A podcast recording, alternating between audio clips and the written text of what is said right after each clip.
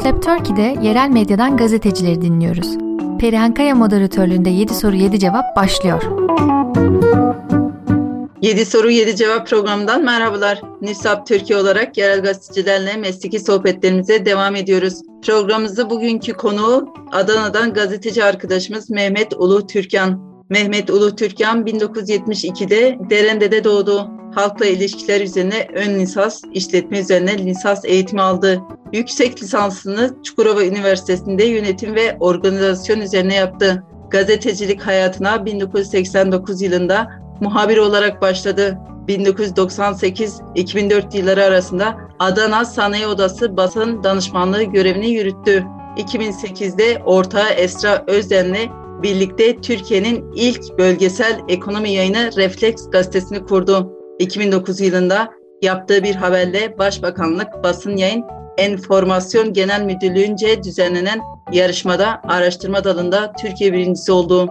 Onlarca kuruluştan mesleki ödüller aldı. Hürriyet gazetesi Çukurova GAP yayında bir yıl kadar köşe yazarlığı yaptı. Çukurova Üniversitesi İletişim Fakültesi'nde öğretim görevlisi olarak ekonomi gazeteciliği dersi verdi. Ekonomi Gazetecileri Derneği Yönetim Kurulu üyesi ve Çukurova Gazeteciler Cemiyeti Başkan Yardımcılığı görevini sürdürmektedir. Doğan Kitap'tan yayınlanan Madalyasız İnkılap Kitap Evi'nden çıkan Kayıp Sancak adlarında çok satanlar listesine giren iki Kurtuluş Savaşı romanının yazarıdır. Öncelikle hoş geldiniz. Çok teşekkür ederim. Sağ olun. Nasılsınız? E, gayet iyiyiz. Adana'dan e, Kasım ayında olmamıza rağmen e, güneşli, sıcak bir günden hepinize merhabalar. Yeni medya teknolojilerin gelişmesiyle birlikte gazetecilik tanımının sınırları aşındı. Bizim için bir gazetecilik tanımı yapar mısınız? Az önce belirttiğiniz e, yeni dönemle e, gazetecilik işin esasında e, biraz daha kolaylaştı. E, ben öyle görüyorum. Gazeteci gördüğünü aktarabilen, özgürce aktarabilen, e, görevini layıkıyla yapan, e, aslında bir e, kamu görevi gören e, bir kişi. E, ben hem 2000'li yıllar öncesi hem de 2000'li yıllar sonrası e, gazetecilik yapan biri olarak değişimi yaşayan, e, e, bizatihi gören e, olarak nitelendiriyorum. 2000 yılını da bir milat olarak e, belirledim. Yani bir 2000 yılı öncesi gazetecilik, bir de 2000 yılından sonrası gazetecilik. Yani 21 yılı geride bıraktığımız bir yeni gazetecilik diyelim. 2000 aradaki, yıl öncesindeki... Aradaki fark ne?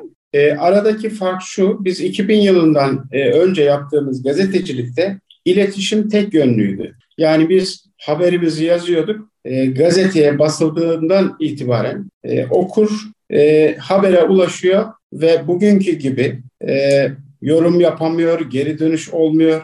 Yani tek yönlü bir gazetecilikten 2000'li yıllarda çift yönlü iletişime dönen bir gazetecilik ortaya çıktı. Dolayısıyla e, internetin yaygınlaşması sadece bu çift yönlü iletişimi değil, e, beraberinde e, arşivleme imkanını, daha çok habere, daha çok bilgiye e, ulaşabilme imkanını da beraberinde getirdi. Dolayısıyla e, 2000 internetin yaygınlaşması diyelim e, o süreçle e, öncekiyle sonraki arasında çok ciddi manada gazetecilikte bir değişim söz konusu oldu. Yani şimdi biz bir haber yazıyoruz, yayınlıyoruz internet sitemizde. E, dakikalar sonra o haberle ilgili e, geri dönüş alabiliyoruz. E, 2000'li yıllardan önce bunun e, yapılabilmesi mümkün değildi. Ya da bir haber yazıyoruz, o haberle ilgili çok farklı cephelerden yorumları ve çok farklı yerlerden bilgileri, yeni bilgileri e, alıp zenginleştirebiliyoruz. Yani e, okur yorum yapabilme imkanı e, buldu, paylaşabilme imkanı buldu. E, kendi okuduktan sonra başkalarıyla paylaşabilme imkanı buldu. Dolayısıyla okur sayısı arttı. E, maliyetlerin düştüğü bir dönem de geldi. Yani bir gazetenin maliyetiyle bugün sosyal medyada bir paylaşımın maliyeti arasında çok ciddi manada fark var. Yani teknoloji daha çok kişiye ulaşabilme imkanı sağladı. Daha az maliyetle e, bir imkan sundu ve sınırları da e, e, aşırdı. Şu anda benim e, Adana'da e, kurulu Refleks'in e, Almanya'da e, çok ciddi manada okurları var. Çünkü bu bölgeden Almanya'ya yerleşmiş insanlar e, bu bölgenin ekonomisini, yatırımcısını biz ekonomi ağırlıklı bir gazete olduğumuz için takip edebiliyor. Amerika'da okurumuz var, e, yorum yapabiliyor, e, bizimle iletişim halinde olabiliyor. Yani 2000'li yıllarda e, bunu yapabilmek e, mümkün değildi. Çok farklı bir mecraya taşındı gazetecilik.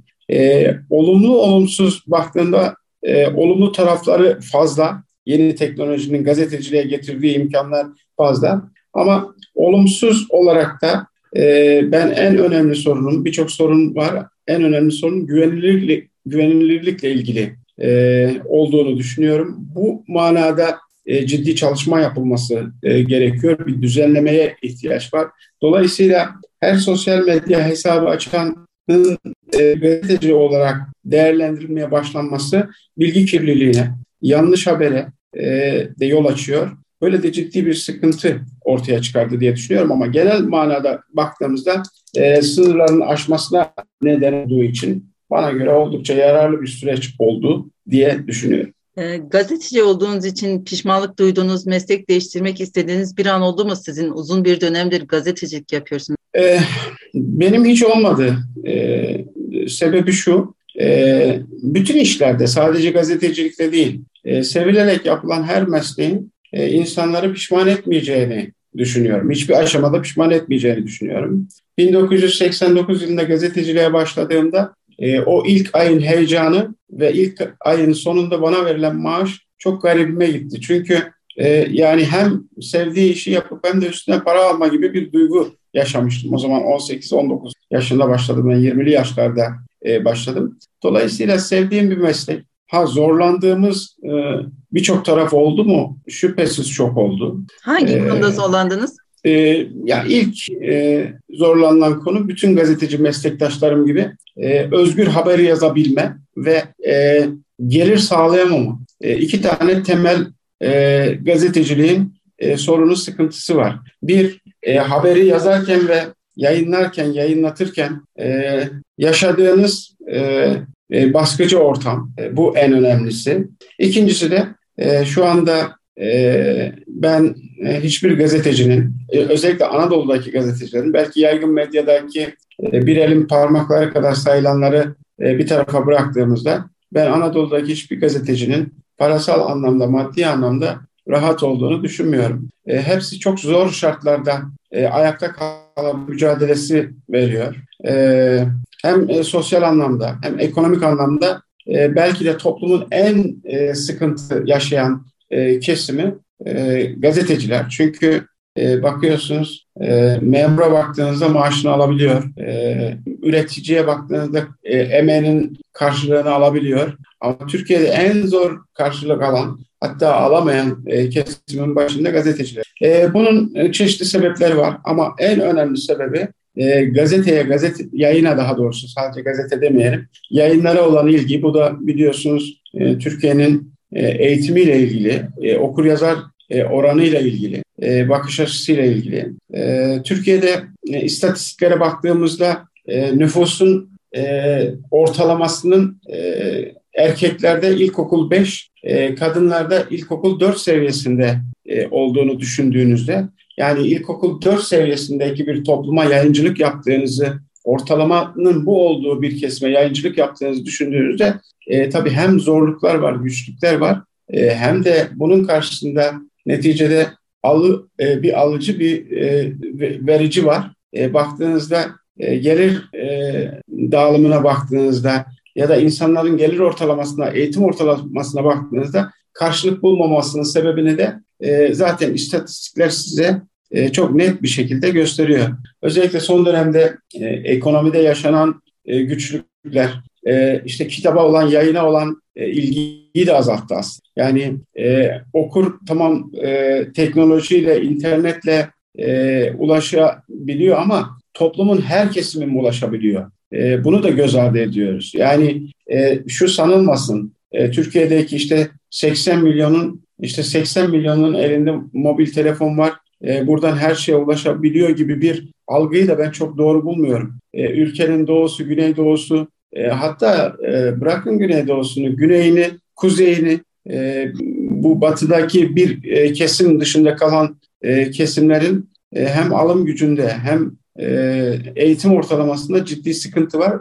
Dolayısıyla pa- pazarı daraltan, e, pazar e, belki çok doğru kelime olmayacak ama daraltan bir e, geri dönüşü sağlayamayan e, bir durum da söz konusu. Bölgenizin çok dilli, çok kültürlü yapısının yapılan yerel haberlerde yansıtabildiğini düşünüyor musunuz? Adana bu anlamda zengin bir yer. Şimdi e, Adana e, birçok e, kesimi e, buluşturan, birleştiren bir merkez. İşte burada e, Araplar var, e, Kürt e, kardeşlerimiz var, e, Yörükler var. E, e, aslında e, İstanbul'un e, küçük bir aynası niteliğinde. E, ama biz e, yerel gazetecilikte bunun e, hiçbir zaman dezavantajını e, yaşamadık.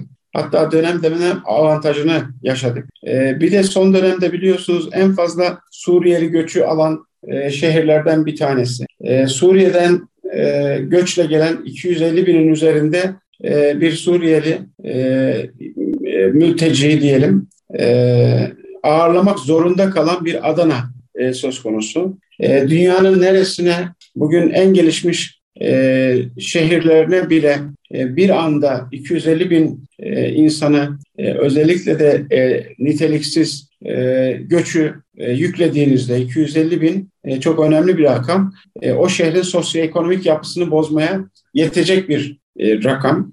E, bunu da yaşayan, e, bunu da bunun da sıkıntısını son dönemde e, iliklerine kadar yaşayan e, gerek altyapıda, gerek eğitimde, gerek sağlıkta, gerek trafikte e, çok ciddi e, manada bu anlamda sıkıntı yaşayan bir Adana söz konusu. Ama az önceki sorduğunuz e, şey bize ben öyle düşünmüyorum. Yani bir dezavantaj değil hatta avantaj hatta bir renk hatta bir mozaik e, e, şehrin değerini yükselten bir durum olarak değerlendir. E, çünkü e, burada daha önce e, yerleşmiş Arap e, kesimi e, gelen Suriyelilerle iletişimimizde e, önemli etken oldu diye düşünüyorum. E, burada birçok sektör e, göçle gelen e, çalışanlardan özellikle tarım sektörü yararlandı diye düşünüyorum. İş gücü olarak yararlandı diye düşünüyorum. Niteliksiz iş gücü anlamında tarımın gerektirdiği, işte mobilya sektörünün gerektirdiği çalışanları da bir dezavantaj değil avantaj olarak değerlendirdi diye düşünüyorum. Yayıncılık anlamında bizim e, genel itibariyle hem kendi gazetemiz ve hem ben Çukurova Gazeteciler Cemiyeti'nde de başkan yardımcısıyım. E, buradaki arkadaşlarımızla da dönem dönem toplantılar yapıyoruz. E, bu asla bizim için bir dezavantaj değil. Biz onu kültürel zenginlik olarak değerlendiriyoruz. Ee, öyle de bakıyoruz. Yerel gazetelerin okunmadığı gibi bir algı var. Siz okullarınız hakkında ne kadar bilgiye sahipsiniz? Okurunuzu ne kadar tanıyorsunuz? Evet. Yerel gazetelerin e, okunmadığı konusuna ben de katılıyorum. Çünkü tirajlardan belli zaten okunuyor e, demek doğru değil. Yani iki buçuk milyonluk bir e, Adana söz konusu. Nüfusu iki buçuk milyonluk bir Adana söz konusu. E, şehirde e, satılan yerel gazete e, sayısı e, 2000'i geçmiyor. Yani iki buçuk milyon bir şehir, 2000 gazete e, satışı. Bu e, istatistiğe yani tiraj istatistiğine bakıldığında durum böyle. E, fakat e, gazetelerimizin bazıları e, bu e, süreci doğru değerlendir. E, internet altyapısını geliştiren gazetelerimiz var burada. İyi bir geçiş e, sağladılar. E, on binleri bulan e, tıklama e, sayısına erişen haber sitelerimiz e, ortaya çıkmaya başladı. Evet doğru gazeteler e, tiraj anlamında okunmuyor. Yerel gazeteler okum. Türlü sebepleri var. E, bunun en başında doğru e, etkin içerik hazırlayamama e, en önemli etken. E, çünkü e, yerel gazeteler e, maalesef e, neyle besleniyor? Bir, e, ajansla besleniyor.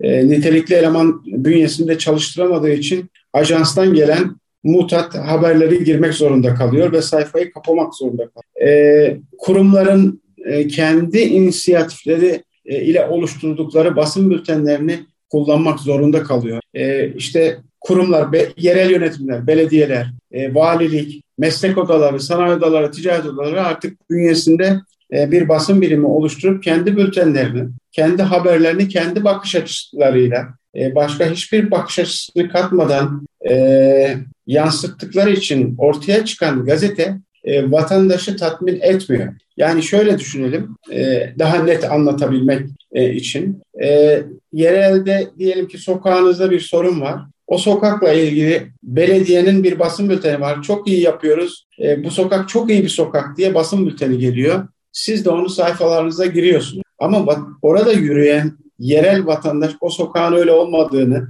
yaşıyor biliyor. Dolayısıyla basına olan güven de kayboluyor. Yani bültenlerle gazetecilik yapıldığı için, gazeteler çıkarılmaya baş, e, devam ettiği için vatandaşın e, güveni de e, kayboluyor. Mesela ekonomi gazetelerinde hiçbir zaman çarşının, pazarın haberleri olmuyor. Vatandaşın pazarının ekonomisinin e, işte bugün pazardaki pahalılığın haberleri yer almıyor. Onun yerine ekonomi gazetelerinde ne yer alıyor? İşte hangi şirket kendi bültenini yapıp göndermişse, işte benim e, diyelim ki bardağım böyle güzel, e, benim verdiğim hizmet böyle güzel haberlerini ekonomi sayfalarıyla doldurduğu için e, vatandaş kendisini gazetelerde bulamıyor. Vatandaşın kendisini gazetede bulamadığı bir gazetenin de okunabilirliği, güvenirliği e, sorgulanır. Dolayısıyla çok bu manada çok ciddi bir sıkıntı var.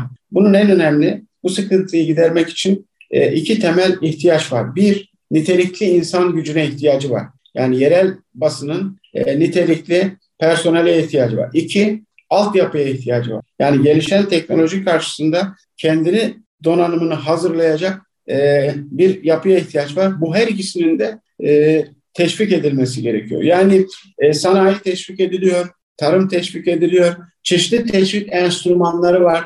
Bunları kullanıyorlar. Yani domates ürettiğimde ya da e, işte bir çivi ürettiğimde, vida ürettiğimde kamudan teşvik alabiliyorum. Ama ben haber üretmek, özgürlük için, bu ülkenin demokrasisi için e, gerekli bir haber üretiminde e, ben insan kaynağı teşviğinin veya teknoloji teşviğini veya gerekli olan yatırım teşviğini benim alabilmem lazım ama bu ne yazık ki medyaya özel, yerel basına özel bir e, rentable çalıştırılabilmiş bugüne kadar bir teşvik yok. Ben bunun e, belki de bilinçli olarak verilmediğini düşünüyorum. Yani bu teşvikler verilse her şehrin demokratik bir gazetesi olsa, bağımsız bir gazetesi olsa, eleştiren bir gazetesi olsa e, bu e, belki çıtayı seviyeyi yükseltecek ama belki de yöneticilerin çok işine gelmediği için bu teşvik yani e, çivi üretimine verilen destek, domates hıyar üretimine verilen destek e, maalesef haber üretme e, konusunda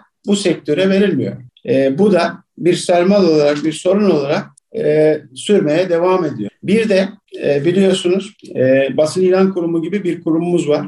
E, ben basın ilan kurumunu dünyada örneği yok. Yani ne gelişmiş ülkelerde ne gelişmekte olan ülkelerde ne e, geri kalmış ülkelerde hiçbirinde böyle bir kurum yok. E, bu kurum e, devletin e, bir e, ne diyelim e, demokrasinin kılıcı gibi kullanılıyor. Gazeteler e, üzerinde. Gazeteler üzerinde e, bir böyle bir etkisinin olduğunu düşünüyorum. E, bunun için basın ilan gelirlerinden para alabilmek için çıkan gazeteler var maalesef. Yani sadece buna odaklanmış. Ya ben günlük gazetemi 8 sayfa gazetemi yapayım, e, basın ilandan da paramı alayım çıkayım diye yapılan bir gazetecilik var. İşte bu gazetecilikte hiç kimsenin işine yaramıyor, toplumun işine yaramıyor, şehrin işine yaramıyor, e, iş dünyasının işine yaramıyor, hiç kimsenin işine yaramıyor. Çünkü doğru ve tarafsız haber yapamıyor. Doğru bir e, doğru ve tarafsız e, haber yapamayan gazetenin de hiç kimseye, hiçbirimize, ne ülkeye ne demokrasisine hiçbir fayda yarar sağlamıyor. Aslında ortada bir gazetecilik mesleği yok. Sadece para almak için var olan kuruluşlar var. Bir, bir sistem var diyelim. E, ona yönelik çalışan bir mekanizma var. Ha, bunun yanı sıra e, özgürce e, gazetecilik yapmak isteyen, gerçekten bu mesleği yapmak isteyenler için son dönem e, çok büyük bir avantaj. Yani teknolojinin gelişmiş olması çok büyük bir avantaj. E, ulaşım açısından, e, okura ulaşım açısından e, önemli nimet. Fakat burada da ciddi düzenlemeye ihtiyaç var. Burada da bilgi kirliliği ve güvenilirlikle ilgili çok ciddi sıkıntı var. Burada da kamunun bir düzenlemeye gitmesinde ihtiyaç var. Kamunun düzenlemeye derken şey olarak algılanmasın. Yani özgür bir medya mekanizmasının çalıştırılabilmesi için bir e, hukuki e, bir altyapıya, bir e, düzenlemeye ihtiyaç var. Yoksa e, o kurgulasın, kamu kurgulasın, gazetenin nasıl olacağına e, o karar versin anlamında söylemiyorum. Yani bilgi kirliliğini ortadan kaldıracak, e, doğru haberi, etkin haberi e, özgür kılacak bir mekanizmanın, bir e, mevzuat altyapısının, bir teknik altyapının ortaya çıkarılmasından bahsediyorum. Teknolojik imkanlarınız bakımında ne değseydi gazetecilik süreçleri daha iyi olurdu sizce? Şimdi elimizden geldiğince biz kendi gazetemizde teknik altyapımızı geliştiriyoruz. Bu e, elimizden geldiğince kısmı tırnak içerisinde yani gücümüzün yettiğince. E, ben e, işini iyi yapan, etik çerçeveler içerisinde bu işe gönül vermiş az sayıda kişinin desteklenmesi taraftarıyım. Teknoloji iki önemli e, destek mekanizmasına ihtiyaç var. Ne değişse diyorsun? Bir, mevzuat değişse, e, düzenleme yapılsa ve insan kaynağı e, geliştirilse. İki, teknoloji içinde e, bir teşvik e, modeli tıpkı sanayiye verilen gibi, tarıma verilen gibi, diğer turizme verilen e, teşvikler gibi bu alanda da e, teknolojiye yatırım yapan e, medya kuruluşlarının e, desteklenmesi lazım. Aslında tam tersine e, desteklenmiyor. Biliyorsunuz e, uydu e, fiyatlar e, yani sadece gazeteyi konuşmayalım. Televizyon e, anlamında, radyo anlamında e, onları da içerisine koyduğumuzda e, çok kısıtlı, çok e, yerel e, imkanlarla elde edilemeyecek kadar e, pahalı e, bir altyapıya ihtiyaç var. Bu anlamda teşviğe, e, desteğe ihtiyaç var diye düşünüyorum. Yerel ya da bölgesel bir yayında çalışan bir gazetecinin insan hakları, demokrasi gibi açılardan ulusal basında çalışan biri kadar etki yaratabileceğini düşünüyor musunuz? Yüzde yüz düşünüyorum. Ee, ben artık bu günümüz ortamında e, yerel medya, e, yaygın medya e, ayrımının çok yapılabileceğini düşünmüyorum. Yani gazeteci Ağrı'da da gazetecidir, e, İzmir'de de gazetecidir, e, Adana'da da İstanbul'da da e, gazetecidir. Yerel ve yaygın medya e, bundan belki 20 yıl önce, 25 yıl önce çok net çizgilerle ayrılabiliyordu ama e, şu anda burada yaptığınız bir haberi bırakın e, ülke sınırları içerisinde dünyanın öbür ucunda okunabilme ve karşılık bulabilme e, imkanı var. O açıdan ben e, arada çok bir hani sen e, ulusal e, medya mensubusun ya da gazetecisin ya da yerel gazetecisin ayrımının son dönemde anlamını yitirdiğini düşünüyorum. Yani benim için e, işte Almanya'daki bir gazeteci de e, Suriye'deki bir gazeteci de e, çok rahatlıkla haberini yapabiliyorsa eğer e, arada çok bir farkın olduğunu ve bu yönde bir sıkıntı yaşadığını tahmin etmiyorum. Yerel ya da bölgesel yayınlarda neyi değiştirmek isterdiniz? Az önce söylediğim gibi e, daha çok okura ulaşmak ve e, daha o en başında bahsettiğimiz e, okurla e, iletişimi artıracak bir e, altyapının e, daha geliştirilmesini e, isterdim. Teknik altyapının daha geliştirilmesini isterdim. İkincisi de etik ve e, bağımsızlık, özgürlük e, yönünde e, düzenlemeleri değiştirmek isterdim. Yani elimde böyle bir imkan olsa bu iki temel konu üzerinde e, değişikliğin olmasını çok isterdim açıkçası. Son olarak belirtmek istediğiniz bir şey var mı? Çok teşekkür ederim e, bana böyle bir fırsatı sağladığınız için. Ben teşekkür ediyorum bugün bizimle beraber olduğunuz için. Farklı şeylerden yerel gazetecilerle konuştuğumuz 7 soru 7 cevabın bu bölümün sonuna geldik. Farklı şehir ve ekolerden gazetecileri dinlemeye devam edeceğiz. Soru ve yorumlarınızı Nistap Türkiye sosyal ağ hesapları üzerinden bizlere iletebilirsiniz. Dinlediğiniz için teşekkür ederiz.